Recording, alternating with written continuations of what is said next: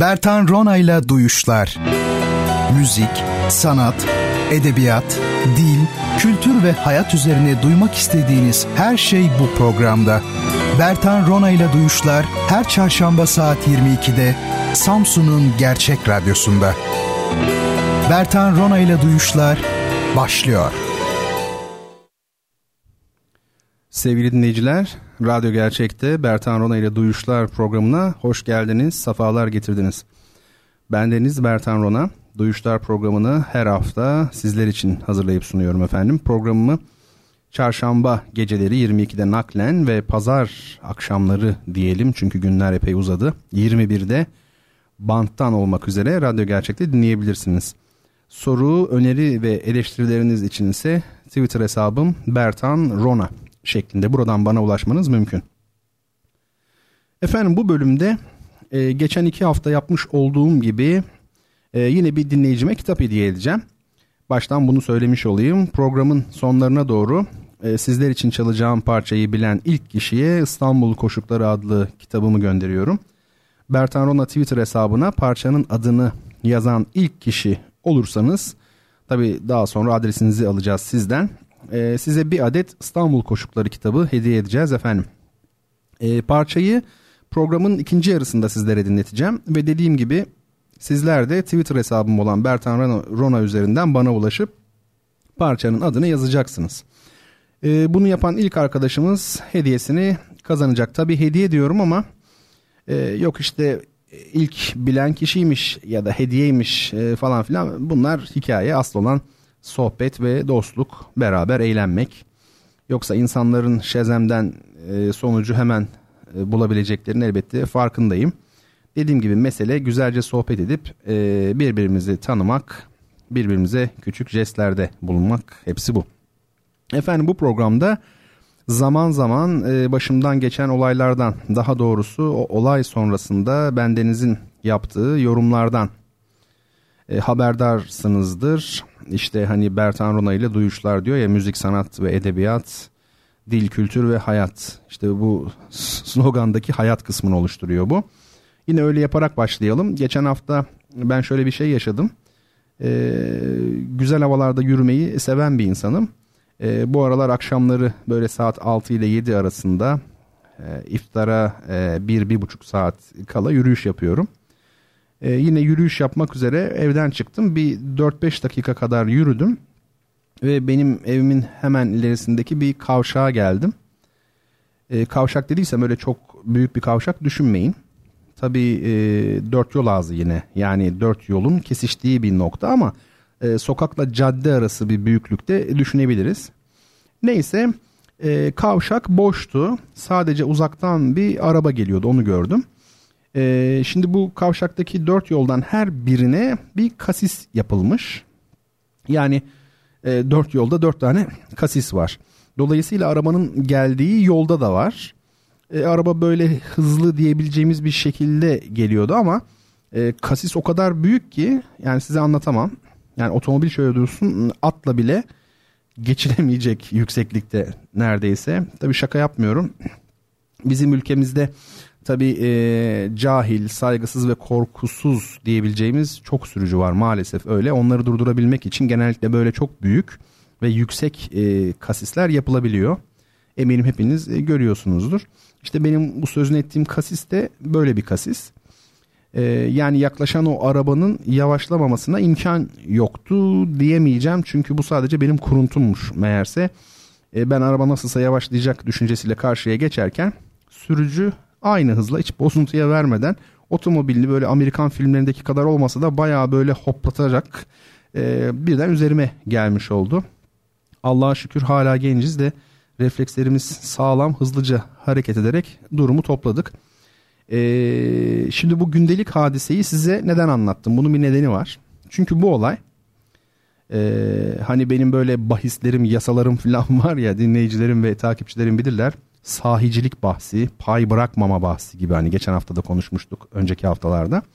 İşte bu olay da benim üçüncü durum yasası adını verdiğim bir yasa kapsamına giriyor. Ne diyor ya bu adam e, diyenler için bu üçüncü durum yasasını özetleyeyim. Efendim üçüncü durum yasası şöyle bir şey. Ülkemiz kendine özgü coğrafi, tarihsel ve sosyal geçmişi ve konumu nedeniyle tez ile antitez olarak veya birinci ile ikinci durum olarak tanımlayabileceğimiz durumlara örnek oluşturmayan ve dünyada belki de eşsiz olarak üçüncü duruma örnek verilebilecek bir ülkedir. Biz ne doğuya benzeriz biliyorsunuz sizlerde ne batıya benzeriz ne geçmişe benzeriz ne geleceğe benzeriz. Ee, biz sadece kendine benzeyen hakikaten son derece orijinal bir ülkeyiz.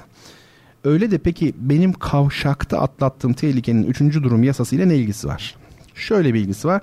Normalde bir otomobilin kasis yokken bile yani yol tamamen düzken, kasis yokken kavşakta ne yapması beklenir? Yavaşlaması beklenir. Kavşak orası çünkü.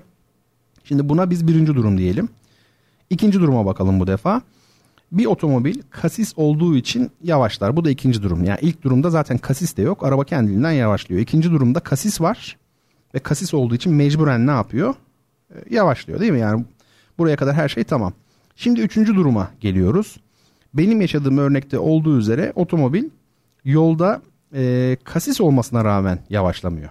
İşte gördüğünüz gibi bu durum e, 1'e veya 2'ye değil 3'e örnek oluşturmakta. Efendim şimdi eğer yahu Bertan Rona işte ciddi bir adamdı bu anlattıkları nedir falan diye düşünüyorsanız hata ediyorsunuz. Çünkü bu mesele hakikaten ciddi bir mesele. Bunu inşallah önümüzdeki dönemde çıkacak bir kitabımda yazmayı istiyorum. Tabii üçüncü durum yasası gibi pek çok yasa e, ve bahis olacak o kitapta. Bakın ben şimdi size birkaç örnek daha vereyim ki yasanın ne kadar ciddi ya da en azından şaşmaz olduğunu e, görebilin. E, hani bir söz vardır mutlaka duymuşsunuzdur. İşte Türkiye'de hiçbir başarı cezasız kalmaz diye. Şimdi ben bu sözü her duyduğumda ürkmüşümdür. Yani böyle bir sözün söylenmesi bile başlı başına ürkütücü aslında. Ama şimdi konumuz o değil. E, bu sözün kendisi bizatihi üçüncü durum yasasına bir örnektir efendim.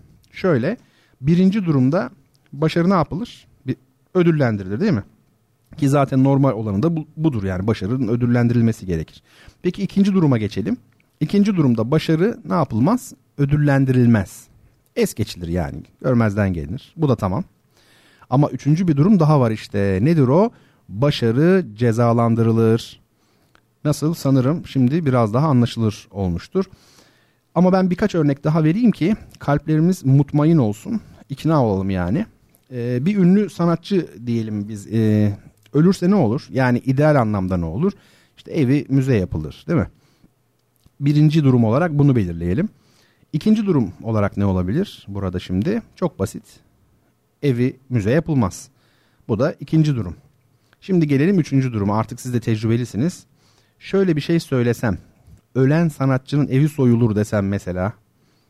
Bu da kesin olarak üçüncü duruma girer herhalde değil mi? E çünkü birinci durum ideal olanı, ikinci durum reel olanı, üçüncü durum ise sürreel olanı ifade etmekte. Şimdi diyeceksiniz ki ölen sanatçının evinin soyulması ne vakit nerede oldu? Oldu efendim. Bu yasayı belirlemek için bilimsel olarak çalıştım. Sahadan örnekler topladım. Datada bir sorun yok yani. Ünlü halk ozanımız Neşet Ertaş vefat ettikten iki hafta sonra evi soyulmuştu. Bilmem hatırlar mısınız? İnternetten şöyle bir bakın bulacaksınızdır mutlaka. İşte bu hadise de yukarıda açıkladığımız üzere üçüncü durum yasasına tabi. Şimdi siz etrafınızda yaşanan gözlediğiniz olaylara bundan böyle bu yasa açısından şöyle bir bakın sayısız örnek olduğunu göreceksiniz. Bu konuda ben son olarak şunu da söyleyeyim. Bu eğlenceli yaklaşım sadece basit bir eleştiri olarak algılanmamalı. Bu hata olur. Aynı zamanda e, son derece renkli bir durum bu. İyi midir, kötü müdür? Bu her zaman tartışılabilir ama sürrealizm her zaman realizm ile idealizmden daha renklidir. Yani toplumların e, demokrasisi veya içtimai hayatı mükemmel olana doğru gittikçe bir tür hayattan kopma yaşanabiliyor. Bu da o toplumları renksiz e, kılabiliyor.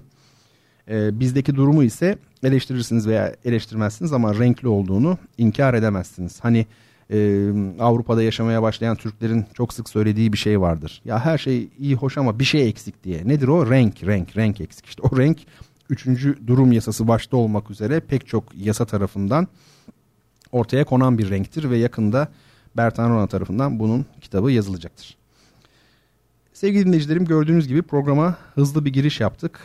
Ee, isterseniz şimdi gelin ilk aramızı verelim. Ben de biraz frenlenmiş olayım. e, bir parça müzik dinleyelim. Şimdi sizlere gerçekten çok çok çok çok güzel bir eser dinletmek istiyorum. E, Fransız besteci Saint-Saëns'ın ünlü eseri Ölüm Dansı. Ama bu eser o hani başta söylediğim kitap hediye etmek için soracağım eser değil. Ona daha var. Şimdi dediğim gibi Saint-Saëns'dan Ölüm Dansı adlı yapıtı dinleyeceğiz. Dinlerken her müzikal cümleyi bir film karakteri gibi kafanızda canlandırmanızı öneririm. Çok daha e, zevkli bir şekilde dinlersiniz müziği. Neyse. Hadi gelin şimdi dinleyelim. Ardından e, sohbetimize devam edelim. Fransız besteci Camille Saint-Saëns Ölüm Dansı adlı senfonik şiir. Orkestra şefi Leopold Stokowski yönetiyor ve National Philharmoni Orkestrası seslendiriyor.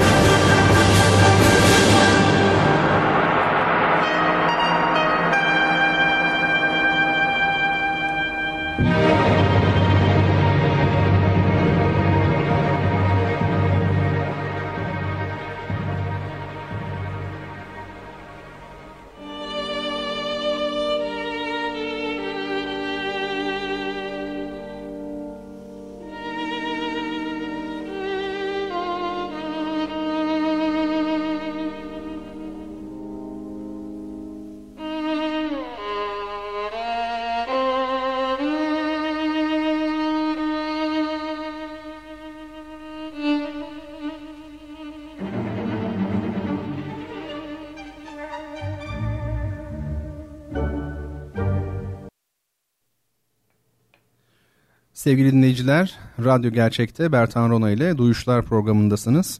Bu programda müzik, sanat, edebiyat, kültür, dil ve hayata dair konuşmaya, sohbet etmeye çalışıyoruz. Efendim bu akşam sizler için çalacağımız bir parçayı ilk bilen dinleyicime İstanbul Koşukları adlı kitabımı hediye edeceğim. Başlarken de dile getirmiştim. Twitter hesabım Bertan Rona. Buradan doğru cevabı yazabilirsiniz. Tabii soru ve önerileriniz, eleştirileriniz varsa onları da yazabilirsiniz. Sanırım söylememe gerek yok. Ee, sevgili dinleyicilerimden Burcu Ece Korkmaz bu çalan parçanın Shazam'de olmadığını söylemiş ve eklemiş keşke soracağınız parça bu olsaydı diye. Evet adil bir yarış olurdu ve bestecisini eserin ne olduğunu sormuş. Ona tabii yazdım ben ama sizlere de tabii anonse edeceğim. Bu arada bu anons etmek deniyor anons edilmez aslında anonse edilir. Yani mo montaj edilir olur mu? Yani monte edilir. Tıpkı onun gibi e, bu şekilde kullanmak lazım. Normalde çok da antipatiyim değil mi? Öğretici gibi falan hiç de sevmediğim işler. Şimdi sevmiyor muyum acaba gerçekten? O da ayrı bir şey tabii. Ben hiç sevmem bunları falan deriz ama aslında çok da severiz. İnsan tabiatı böyle bir şey işte. Ee, şimdi bu parça e, nefisti tabii. Önce onu söyleyeyim. Sizler de eminim çok beğenmişsinizdir. Çok melodik her şeyden evvel. Fransız besteci Camille Saint-Saëns var. Onun Ölüm Dansı adlı senfonik şiiri bu. Ne demek senfonik şiir? Bestecinin e, genellikle tarihi veya edebi bir konuyu tek bölümlü bir senfonik yapıt olarak bestelemesi demek. Yani bir müzik yapıtının senfonik şiir türüne girmesi için e, sözleri olmamasına rağmen bir konuyu anlatması gerekmekte. Yani parçanın içinde insan sesi yok. Dolayısıyla e, sözlü bir müzik değil ama yine de bir konuyu anlatıyor. Yani bir tasvir, bir betimleme var. E, hatırladığım kadarıyla bu senfonik şiirde e, bir Fransız efsanesini anlatıyor. Öyle kalmış aklımda. Adı Ölüm Dansı. E, bu konuyla ilgili söylenebilecek o kadar aslında çok şey var ki değil bu programı müstakilen onlarca programı bu konuya ayırsak bile e, yetmez. Ama şimdilik şu kadarını söyleyelim ki ölüm ve dans kavramları her ne kadar yan yana gelmesi zor kavramlar gibi algılansa da aslında öyle değil. Zira e, insan hayatının kendisi başlı başına bir ölüm dansı bana kalırsa. Ölüm e, insanın ontolojisine adeta yapışık bir durum. Çünkü öyle bir şey ki herhangi bir tarihsel, coğrafi, siyasi olguyla alakası yok ölüm denen şeyin. E, çünkü dünyaya gelmiş olmanız doğrudan öleceğinizin garantisi. E, ölüm söz konusu olduğunda hakikaten her şey anlamını e, kaybediyor. E, şöyle bir düşünün, e, yeryüzünde öleceğini bilerek yaşayan tek varlık insan. Bu çok ilginç. E, insanların özellikle de büyük kahramanların şöyle bir tarihe bakalım ya da işte din adamlarının, sanatçılarının, sanatçıların e, büyük çabası Freud başta olmak üzere pek çok e, psikolog tarafından, düşünür tarafından öldükten sonra anılarak ölümsüzlüğü yakalayabilmek olarak anlaşılmış, anlatılmıştır. Bu büyük düşünürlere göre e, sanatçıların özellikle e, üretken olmalarındaki temel e, neden bu. E, büyük kahramanların ardından düzenlenen cenaze törenlerinin anısına yazılan cenaze marşları ki klasik batı müziğinde önemli bir formdur bu e, bu cenaze marşları işte tıpkı insan hayatının bir ölüm dansı olması gibi e, ömür dediğimiz şeyin mezara doğru yapılan bir yürüyüş olduğunu imite ediyor. Yani sembolize ediyor, taklit ediyor denilebilir. Ki marş zaten kelime olarak yürüyüş anlamına gelir biliyorsunuz. E, efendim bu bahsi kapatmadan son bir noktaya daha işaret edeyim. Şimdi direkt mesajdan bir takipçim yazmış. Zar zor okuyabildim. Okuyabil bir dakika. Evet. E şöyle diyor. Hocam kusura bakmayın ama e, Fransızcadaki sondaki ne son Fra, Fransız ha Fransızcada sondaki S'ler okunmaz diye biliyorum. Eleştirmek için değil yanlış anlamayın saygılar demiş. Eleştirebilirsiniz de problem değil. Aha şu eleştiri o kadar korktuğumuz bir şey haline gelmiş ki insanlar çok kibarca bir şey söylediklerinde bile e, eleştirmiyorum diye açıklamak zorunda hissediyorlar kendilerini maalesef. Sevgili e, adını vermeyeyim e, özel yazdığı için. Efendim şimdi beni eleştirebilirsiniz. Eğer kaliteli bir eleştiri ise bundan rahatsız olmak şöyle dursun. Aslında memnun olurum. E, çünkü bu bana kendimi geliştirme imkanı verir. Keşke sürekli eleştirilsem de böyle bütün eksikliklerimi, yanlışlarımı, e, yetersizliklerimi görüp e, düzeltebilsem. Etrafınıza şöyle bir bakın. Özellikle iş hayatında ya da sanat ile bilim camiasında e, mesleki eleştiriden en çok rahatsız olanların kendi alanında en yetersiz kişiler olduklarını göreceksiniz.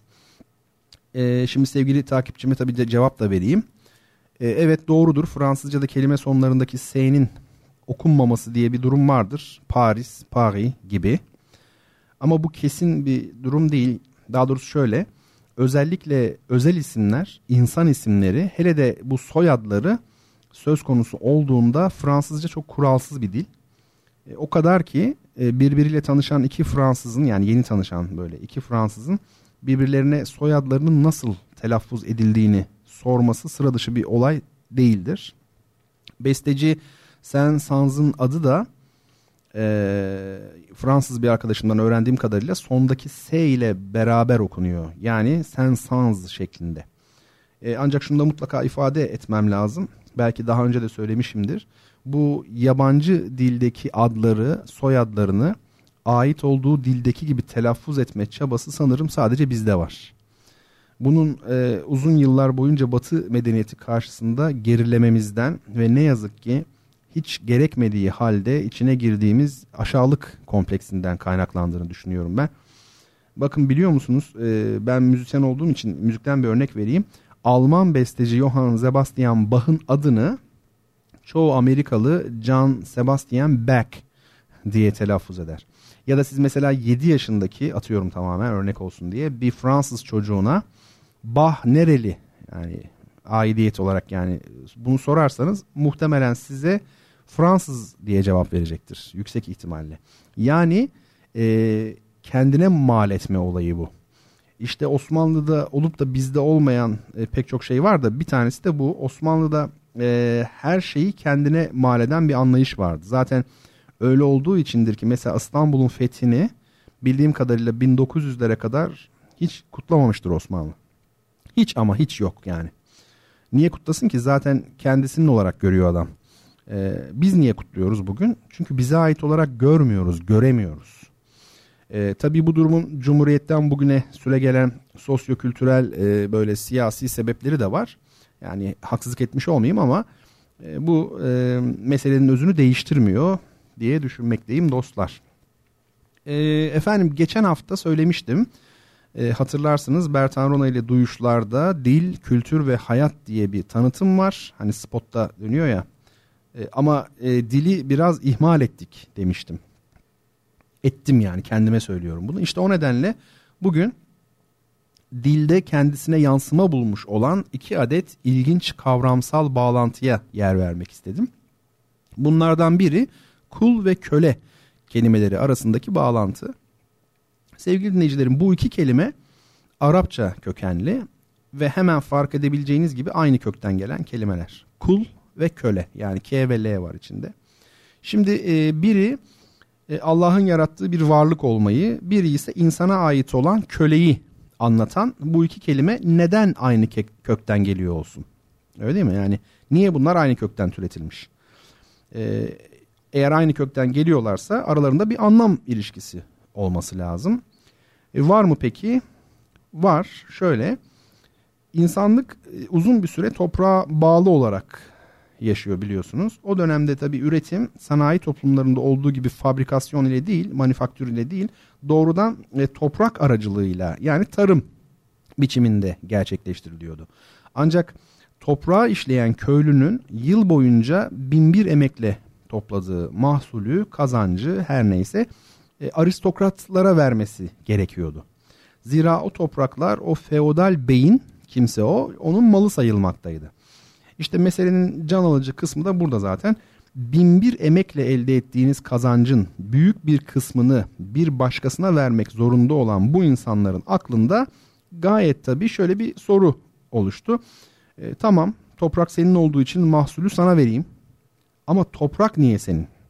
İşte soyluluk dediğimiz olgu e, feodal kültüre ait bir olgudur bu. E, yaklaşık bin yıl sürmüş olan yani o köleci toplumun yok olmasından Fransız ihtilaline kadar diyelim hadi biz.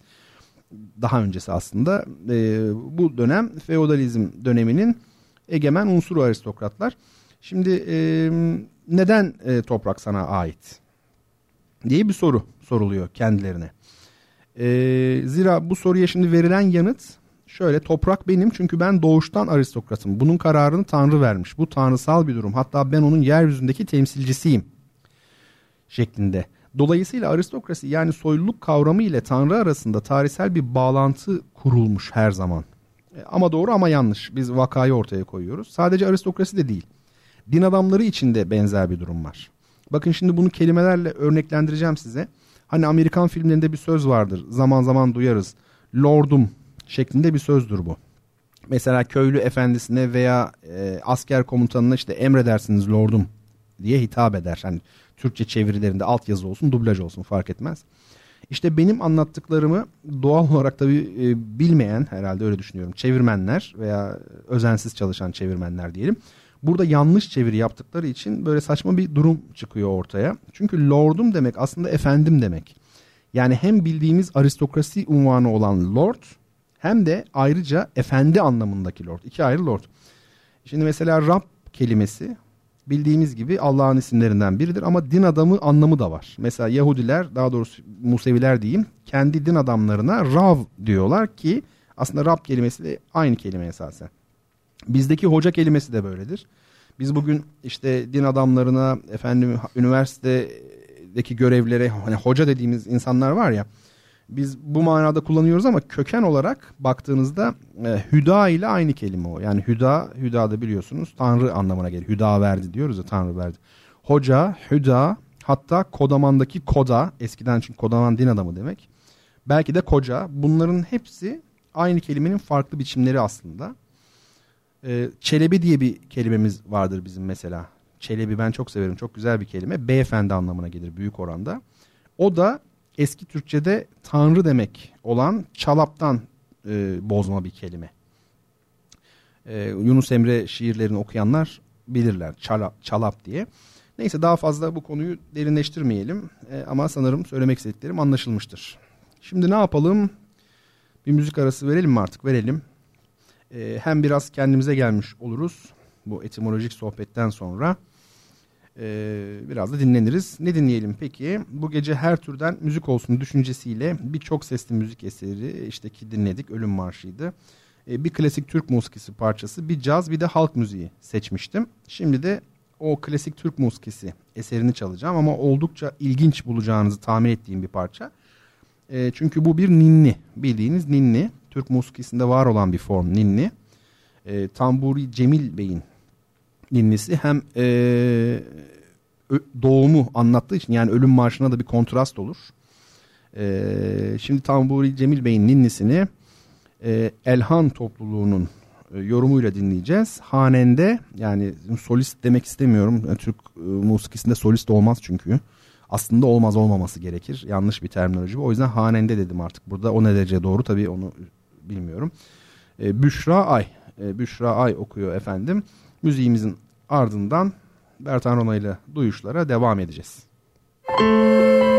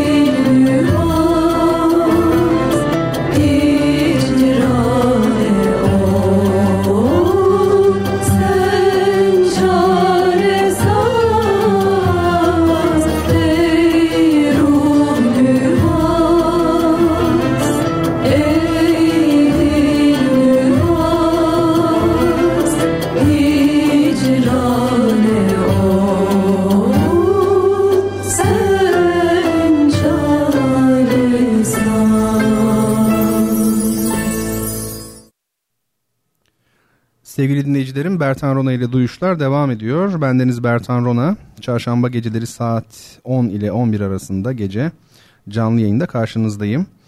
Müzik, sanat, edebiyat, kültür, dil ve hayata dair tınıları yakalamaya çalıştığımız, duymaya çalıştığımız Duyuşlar programını sizler için hazırlayıp sunmaktayım.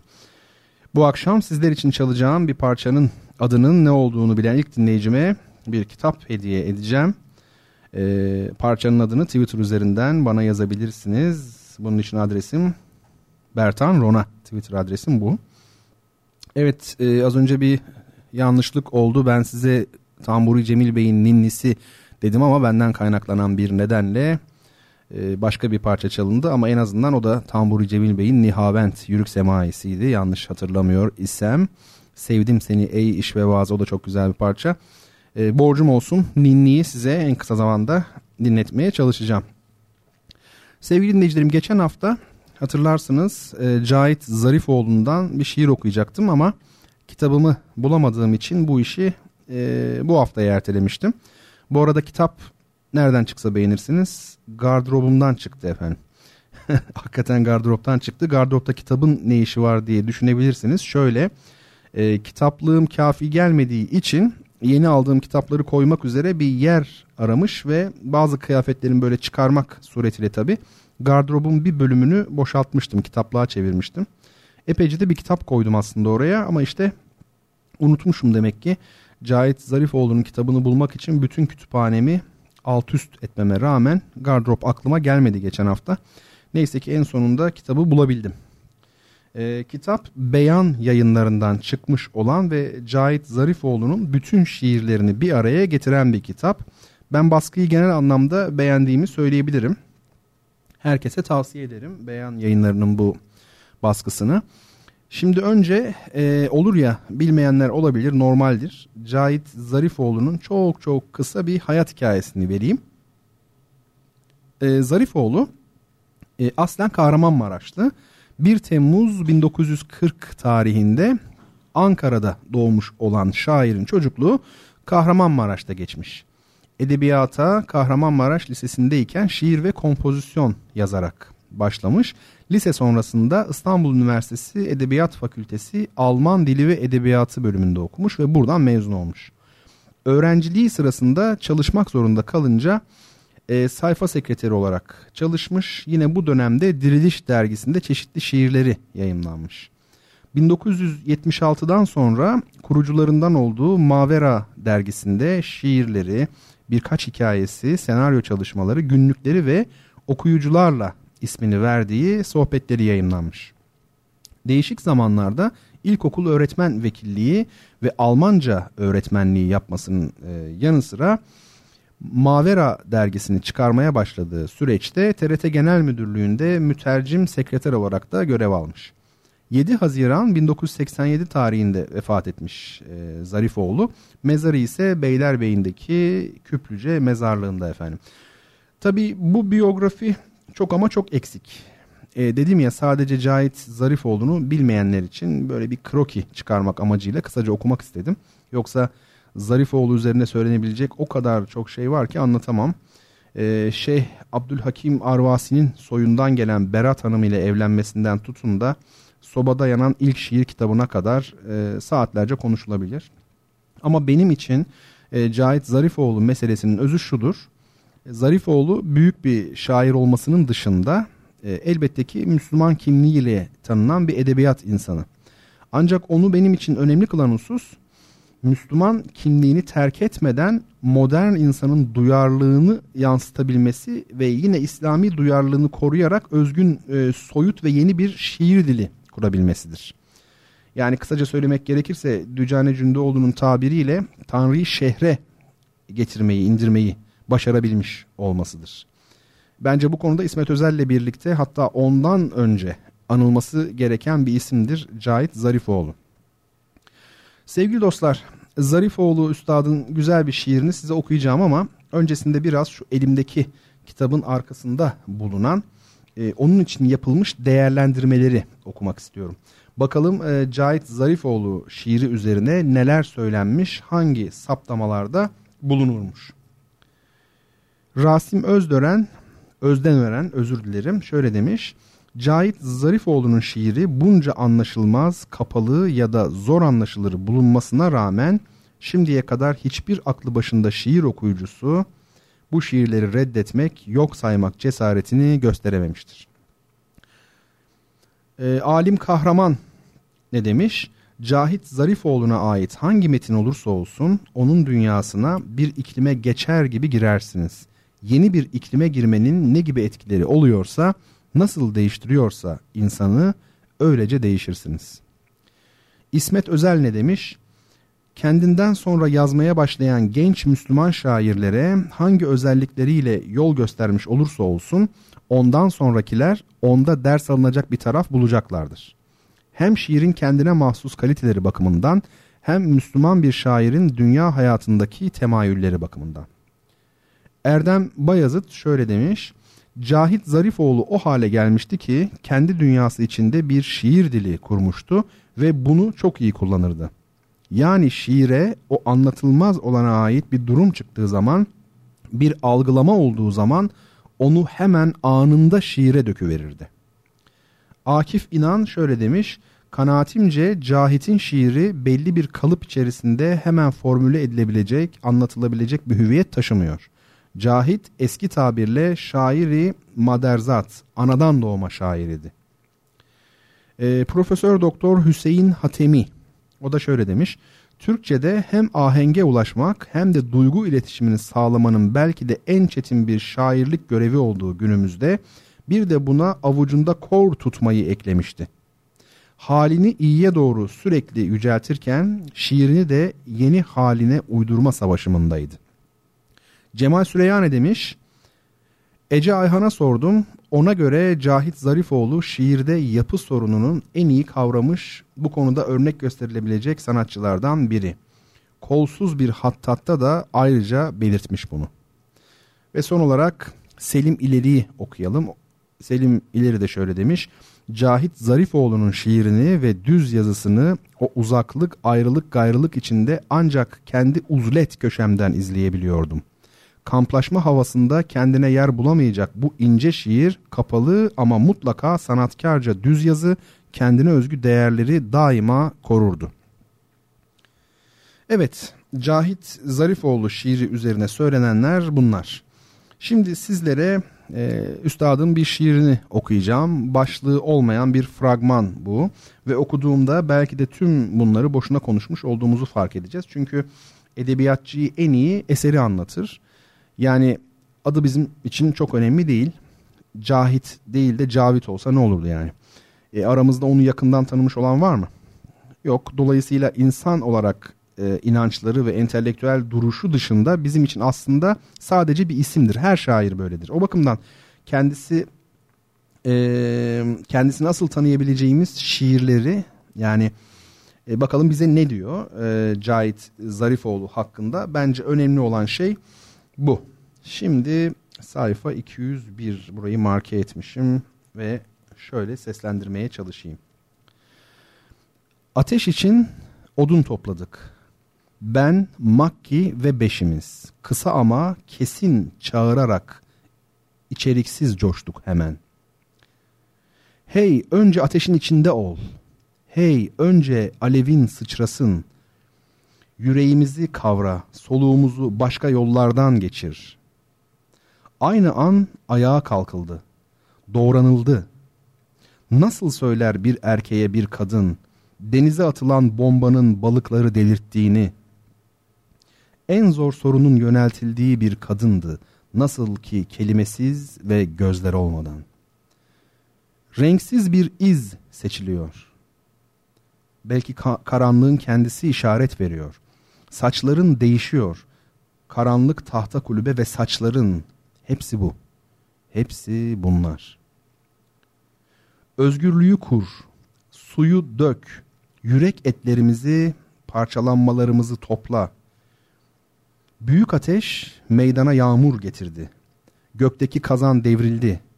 Ağaçların gece aydınlığı, duygunun canlılığı. Kıvrılıp eğilişi dalların hüznü, ateşe, hüznü, ateşe, hüznü, ateşe tutuşu. Toprağı üzüntüden ayıklayışı.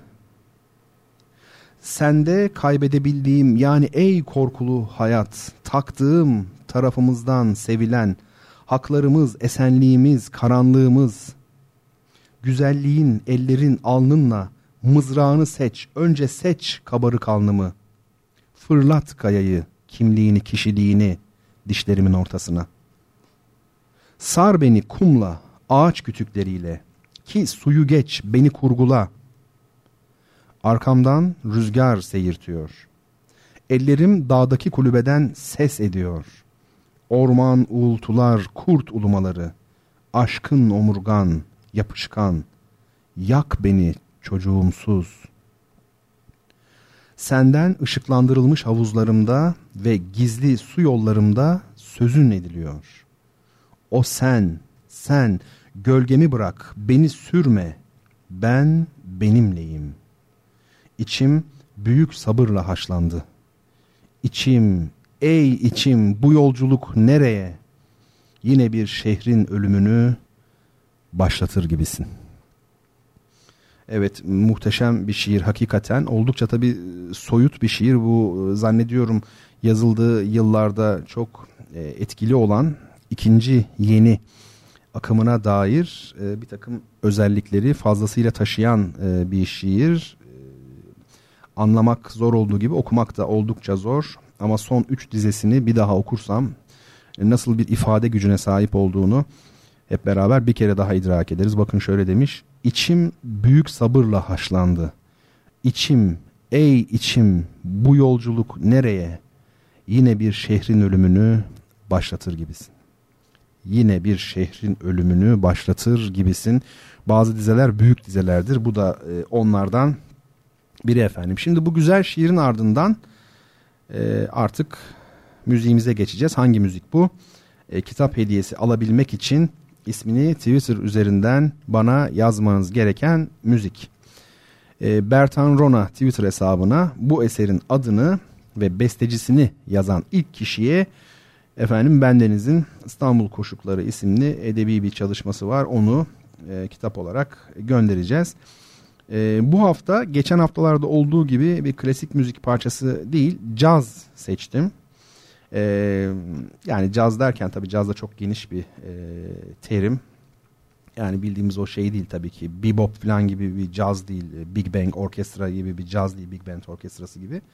Efendim e, akustik band, elektronik band o tür bir caz değil ama yine caz kapsamına girecek bir parça. Dünyaca ünlü, efsanevi bir kadın caz şarkıcısının çok ünlü bir parçası.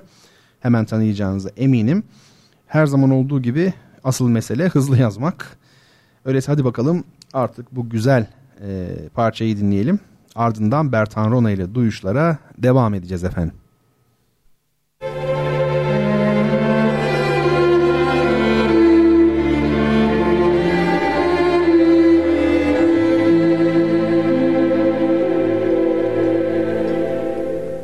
I'm a fool to want you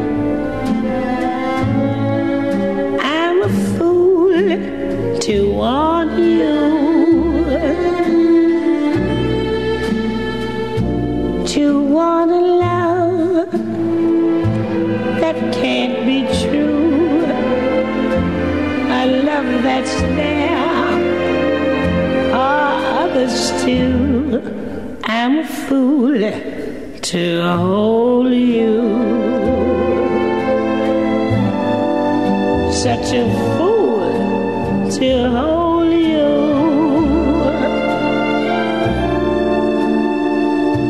To seek a kiss, not mine alone. To share a kiss the devil has known.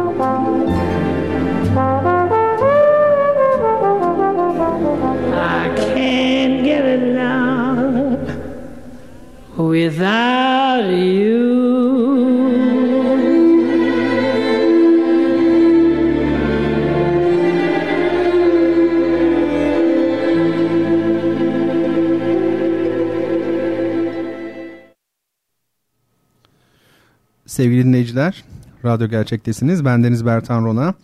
Duyuşların son bölümünde sizlerleyim.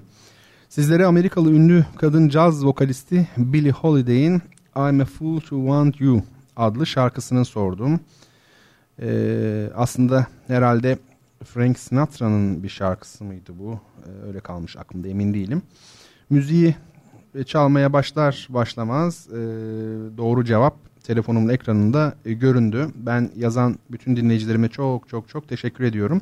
Gönül isterdi ki hepsine kitap hediye edelim. E, efendim ancak başlarken de belirttiğimiz gibi doğru cevabı yazan ilk dinleyicimize göndereceğiz hediyemizi. Kim bu arkadaşımız onu da buradan duyurayım. Tabi onun hesabında e, adı soyadı yok. Ben sadece e, nickname'ini yani görüyorum kullanıcı adını görüyorum. Efendim SB harfleri var ve Balcisev diye yazıyor. Ee, ben kendisini takibe aldım şu an. Direkt mesajdan lütfedip bana adını, soyadını ve açık adresini yazarsa kitabı kendisine en kısa zamanda e, ulaştıracağız efendim. Ee, sevgili Burcu Ece Korkmaz bu hafta da tıpkı geçen hafta olduğu gibi kıl payı kaçırdı. Ben aslında e, ona bir kitap gönderecektim. Ancak o emeğiyle e, almak istiyor anladığım kadarıyla kitabını. O bakımdan haftaya da e, bir dinleyiciyi daha garanti etmiş oldum. Neyse. E, efendim dün Türk tefekkür tarihinin önemli isimlerinden birinin rahmetli Cemil Meriç'in ölüm yıl dönümüydü. E, kendisini saygıyla ve rahmetle anıyoruz. E, Meriç'in eserleri mutlaka okunması gereken eserler arasında kanımca. E, biliyorsunuz kitapları iletişim yayınları tarafından e, basılıyor Cemil Meriç'in. 14 ciltti yanlış hatırlamıyorsam. Hangisinden başlayayım diye soruyorsanız bu ülke kitabıyla başlayın derim. Pasajlar halinde okunması da kolay. Ama insanın ufkunu açan bir kitap bu ülke. Bütün dinleyicilerime tavsiye ederim. E, yeri gelmişken bir hususu burada belirtmek istiyorum. Dün Twitter'da da bu konudaki düşüncemi paylaştım. Cemil Meriç bu topraklardan e, ayağını çekmemiş son derece donanımlı gerçek bir Türk aydını, münevveri, mütefekkiri, düşünürü ne derseniz deyin. Tabii bütün eserlerin okunması gerekir. Ancak günümüzde Cemil Meriç okuyanların bir kısmı e, onun batı medeniyetine getirdiği eleştirileri hiç sorgulamadan ve adeta büyük bir keyifle e, benimsiyorlar. Ben bunu gözlüyorum. Bu konformizm e, ve kolaycılık düşünce açısından son derece tehlikeli. Yani bir otomobilde konfor arayabilirsiniz ama felsefede konformizm çok tehlikelidir. Çünkü e, batı kültürü, medeniyeti, felsefesi, sanatı, bilimi e, Cemil Meriç'in kitapları üzerinden içselleştirilemez. E, bunun için mutlaka yabancı dil bilmek ve tüm bu saydığımız alanlarda e, yani kültür, felsefe, sanat ve bilim alanında Batı'nın özellikle son 6-700 yıllık birikimini incelemek e, gerekir. Şunu unutmamak lazım. Cemil Meriç e, eleştirel bir tavır sergiliyor ama eleştirdiği o Batı medeniyetini çok yakından tanıyor Cemil Meriç. E, olağanüstü Fransızcası ile gerçekleştirmiş tabii bunu. E, o bakımdan bir kere daha tekrarlayayım. Genç arkadaşlarımızın aslında düşünce ve sanat alanına yoğunlaşmak isteyen herkesin ilk yapması gereken şey yabancı dil öğrenmek ve ardından bu alanlarda e, düşmanlık vesaire gibi duyguların yer alamayacağını, günümüzde artık bilimin, sanatın ve felsefenin uluslararası bir nitelik taşıdığını bilerek bu güzel eserler üzerine çalışmak. Zaten e, Avrupalı, Amerikalı bilim adamları e, ile sanatçıları böyle yakından tanıdığınızda bizim kültürümüze ya da kendilerininki dışında yer alan diğer kültürlere ne kadar meraklı, saygılı ve açık olduklarını görüyorsunuz ki onları e, bugün bulundukları noktaya taşıyan da e, büyük oranda bu özellikleri işte. Sevgili dinleyicilerim e, programımın başında iki etimolojik analiz yapacağım demiştim. Kul köle meselesinden kısmen söz ettik. Bakın şimdi sizler için başka bir analiz e, yapayım. İngilizce bir kelime vardır hani stand diye bildiğimiz stand var ya. Bu kelime e, farklı anlamlara geliyor. Hem bildiğimiz stand yani şey daha doğrusu stand diyeyim hani tezgah. Efendim mesela ayaklık işte duruş, tutum e, hem de ifade etmek gibi manaları var. E, zaten düşünme anlamındaki understand kelimesi de yine stand'i içeren bir kelime. Peki tutumla ne ilgisi var? Tutum kelimesi bildiğiniz gibi tutmaktan geliyor. Tutmak da kavramakla çok yakın ol, ilişki içinde olduğu için bakın yine stand'e daha doğrusu understand'e gelmiş olduk. Şimdi bu kelime aslında Türkçe'de sıklıkla kullandığımız ikame kelimesinin karşılığıdır. Ee, Allah Allah işte o kelime neymiş falan diye düşünebilirsiniz. Çünkü ben doğru okudum. İkame. Şimdi e, kalın K ile okudum. İnce ile okuyun bakın hemen tanıyacaksınız. E, var ya işte o işte ha, ikametgah diyoruz. Aslı ikametgah olmalı. Neyse o ayrı bir bahis. Bu kamet ya da ikamet aslında ayağa kalkmak, dik durmak gibi anlamlara gelir. E, namazlarda da kamet getirilir bilenler vardır mutlaka. İkamet etmek, e, durmak anlamına geliyor tabi. Çadır direği gibi böyle dik durmak yani. İşte namaz dinin direğidir hadisi de böylelikle daha bir anlaşılır oluyor zannediyorum e, bu arada. Efendim şimdi bu stand var ya stand aslen durmak anlamında ve eski toplumlar biliyorsunuz göçebeydiler. İşte burası işin can alıcı yeri. Stand yani durmak göçebe toplumların bir yere yerleşmesi anlamında. Ee, şimdi hani Türkistan, Özbekistan gibi ülke adlarındaki stan eki var ya işte o tas tamam İngilizlerin bugün stand dediği kelimeyle aynıdır. Yani Özbekistan orada duruluyor çünkü. Çünkü durduğunuz stand kurduğunuz yeri siz ülke edinmiş oluyorsunuz. E, settle kelimesi de İngilizce'de hem yerleşmek anlamına gelir hem de anlamak, çözmek demektir. E, sanırım benzerliği görmüşsünüzdür. Hani yükünüzü çözdüğünüzde ne oluyor? Bir yere yerleşiyorsunuz. Ki bizdeki bu halletmek yani çözmek de böyle halletmek diyoruz ya. Yükünüzü hallettiğiniz yani çözdüğünüz yer mahalle olarak adlandırılıyor ki bu kelime de e, başına M getirilmiş bir hal kökü aslında yani hal var ya mahalle diyoruz yani mahalle. Evet ilginç yani gördüğünüz gibi etimoloji e, konuşurken daha doğrusu biz etimoloji konuştuğumuzu sanırken aslında sosyal olgulardan felsefeye, sanattan dine, siyasetten bilmem nereye kadar her yere e, uzanma imkanı var. Siz de uzanabilirsiniz efendim. O kadar zor bir şey değil. E, her hafta bir e, film öneriyorum. Siz sevgili dinleyicilerime. Bu hafta da bir film önereceğim ama bu muhtemelen bildiğiniz bir film. Aslında film önerilerinin bilinmeyen, çok tanınmayan filmleri içermesi, bunlar üzerine olması belki daha mantıklı. Çünkü çok klasikleşmiş filmlerin neyini önereceksiniz? Zaten insanlar biliyor oluyor. Bu haftaki biraz öyle mi acaba? E, tabii 1976 yılında Cannes Film Festivali'nde büyük ödülü kazanmış bir film bu. Ee, Robert De Niro başrolde oynuyor. Judy Foster 12 mi 14 mi çok küçük yaşlarda oynadığı bir film bu. Taxi Driver yani taksi şoförü meşhur bir film. Yönetmen Martin Scorsese'nin bir şeyi filmi bu. Ee, bu filmi tavsiye ederim. Bu film niye bu kadar büyüleyici, niye bu kadar başarılı? Ee, işte dili var. Yani bunu tanımlamak çok güç. Ee, form bunu açıklamaya yetmez. Teknik kusursuzluk bunu açıklamaya yetmez. Bu başka bir şey. Yani bir eserin büyük olması hakikaten çok kendine özgü olması. Yani özgün olması, kendine ait bir e, dilinin olması, senaryonun tabii çok sağlam olması e, ve ayrıca oyuncuların çok başarılı bir şekilde e, oynamış olmaları o filmi başarılı kılıyor. Taxi Driver filmini de e, izleyin derim. E, bir taksi şoföründen bahsediyor tabii o kesin adından da anlaşılacağı üzere. Fakat boşlukta olan biri e, sosyal aidiyetle ilgili bir film olduğunu ben düşünüyorum. Amerikan başkanına işte suikast falan falan var böyle spoiler e, olmasın. E, anlattığı şey çok önemli değil. Sonunda olağanüstü bir şey olmuyor. Ama bir şey oluyor ve siz film bittiğinde büyülenmiş, etkilenmiş oluyorsunuz. E, dolayısıyla çok çok çok özel bir film. E, bu filmi size e, öneriyorum. Çok sevdiğim arkadaşım Sonat Coşkuner her zamanki gibi müthişsin abi devam demiş. Peki aslında toparlayacaktım artık ama sevgili Sonat senin hatırına bak daha doğrusu senden de gaz alarak ee, bir şiir daha okuyayım ama bu da benim kendi şiirim olsun. Lütfedip dinlerseniz çok sevinirim. Benim e, birazdan çok sevgili takipçime bana direkt mesajdan adının soyadını ve açık adresini yazacak olan takipçime göndereceğim e, kitap İstanbul Koşukları. İşte bu kitaptan bir şiir. Bu da başlığı olmayan bir şiir. Enteresan. Şöylece bir okuyayım.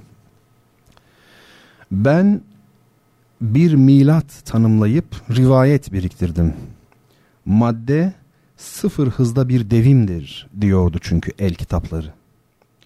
Ayan beyandı bir cümlenin sonu olma ihtimali Üstelik tebdili mekanda ferahlık da vardı. Kısa sorulara uzun cevaplar vermek bir hayat boyu ve her doğan günün çetelesini tutmak işte kan dolaşımına büyük zarardı. Kendine metiyeler düzerken içimdeki çelebi, can içre üstüne titrediğim bir garip kül rengi esrardı.'' Zihnimde bir mahşerdi. Neden insansız? Uzaklardan uzaktı tükettiğim her yol ve o çılgın seyrü sefer tüm zamanlardan daha zamansız. Derken yan cebimde büyüttüğüm bir kavis kendi rüyasında adres sorardı. Kansızlık her çağın vebasıdır diyordu hekimler odası. Pusu kurmak kelimelere, söz olmadan sözleşebilmek bir arpa boyu kadardı. Hatırlıyorum çok hatırlıyorum. Uzun boylu beyaz bir kadınla beraber çoban krallar devrine dönmek istiyordum bazı. Bazı yolumu kesiyordu kum kapılı sarhoşlar. Ama ben yok saymıştım çapraşık ayinleri. Çaputlar bağlayıp altı kibrit çekmiştim. İşe yaramıyordu zaten irademin kare ası ve zehirli iğnesiyle sapsarı sokuyordu her gece vahşi bir uykusuzluğun ağ babası.'' O zamanlar kendi kırıntılarından ibaretti henüz. Boynuma bağladığım kokulu hayat silgisi. Evcilikle evin ilgisine hiç benzemiyordu ama arsız bir muammaydı yolculukla yolun ilgisi. Şimdi karşıya geçebilirsiniz diyordu trafik ışıkları. Oysa gitmekte olduğum yerden geliyordum ben. Ondan mütevellit belki de saatimin yelkovanı kendine turlar bindirip yuvasında mahvoldu koynumda sakladığım bir aidiyet melekesi yosun tuttu süratle. Aniden bertaraf oldu. Eminim, giderek daha eminim. Ben kaybolup giden o güz yanığı akşamlarda her yaşanana bir kafiye bulmaya çalışırken tükendim. Bindiğim tahtıravallinin bir ucunda çünkü hayallerim vardı, diğerinde kendim. Gaybın orta yerinde çağlarken ruhumun aslı menbaı, Esaret yasaktı bana ama özgürlük bir ceza. Belki de bu yüzden rakipsizdim. Çaresiz kalıp kendimi yendim. Nefsimle şeytan cenge tutuşmuştu o zaman ve bütün görkemiyle muharebe meydanı bendim. Savaşma, söğüş diyordu şehrin seyyar satıcıları.'' Oysa benim için bir anlamı yoktu artık açlığımın. Zevklerimi rehin vermiştim çünkü. Tutkularımı ise kiralık. Ne alırsam bir milyoncular gibi çantamdan çıkardığım hiçbir şeyin kıymeti yoktu. Beş paralık. Soruyorum, yavaş yavaş soruyorum. Neden etrafıma baktıkça yalnız kendime değdi nazarım? Nasıl keyfime kahya olup kuşkuyla çevreyi gözledi? En az bütünü kadar her bir yarım.'' Ellerimde bir aydınlık ve masamda kent rehberi İstanbul'un ne zaman muhayyilemle birlik olup bütün hasretleri önümüze kattık. Kim çözdü son harfini o eski kitabenin özlemek üzere bir öz, gizlemek için bir giz kalmadı mı artık? Yoksa kaybolmak denen şey bu hayatın dengi, varlığın eşiti miydi? Hiçlikte miydi zaten asıl hüner? Meğer yok olmak bile bir olmak çeşidi miydi?'' Nerede uzun boylu beyaz kadın ve çoban krallar devri? Kum kapılı sarhoşlar söylesin karşımda gördüğüm kimdi? Her daim gezen lakin kendini bilmeyen o ümmi alimi azamdır şimdi. Evet bu da benden bir şiir olsun. Şiirlerin ardından böyle birdenbire gündelik konuşmaya geçmek çok kötü bir şey. Bunu biliyorum, kabul ediyorum ama mecburuz. Evet şimdi sevgili dostlar programı artık toparlıyoruz. Umarım bu haftada e, güzel bir e, sohbet olmuştur. Haftaya aynı gün ve aynı saatte yine sizlerle bir arada olabilmeyi diliyorum. Bugün e, klasik batı müziği örneği dinledik. Klasik Türk musikisinden örnek dinledik. Caz da dinledik. Geriye halk müziği kaldı söylemiştim. Ama bu halk müziği çok renkli e, bir şekilde icra edilmiş bir halk müziği. Balkanlardan e, bilirsiniz Balkanatolya duymuşsunuzdur mutlaka. E, Anadolu Köçek parçamız bu. Son derece renkli, hareketli bir parça. Hepinizi hürmet ve muhabbetle selamlıyorum. Haftaya görüşmek dileğiyle dostlar.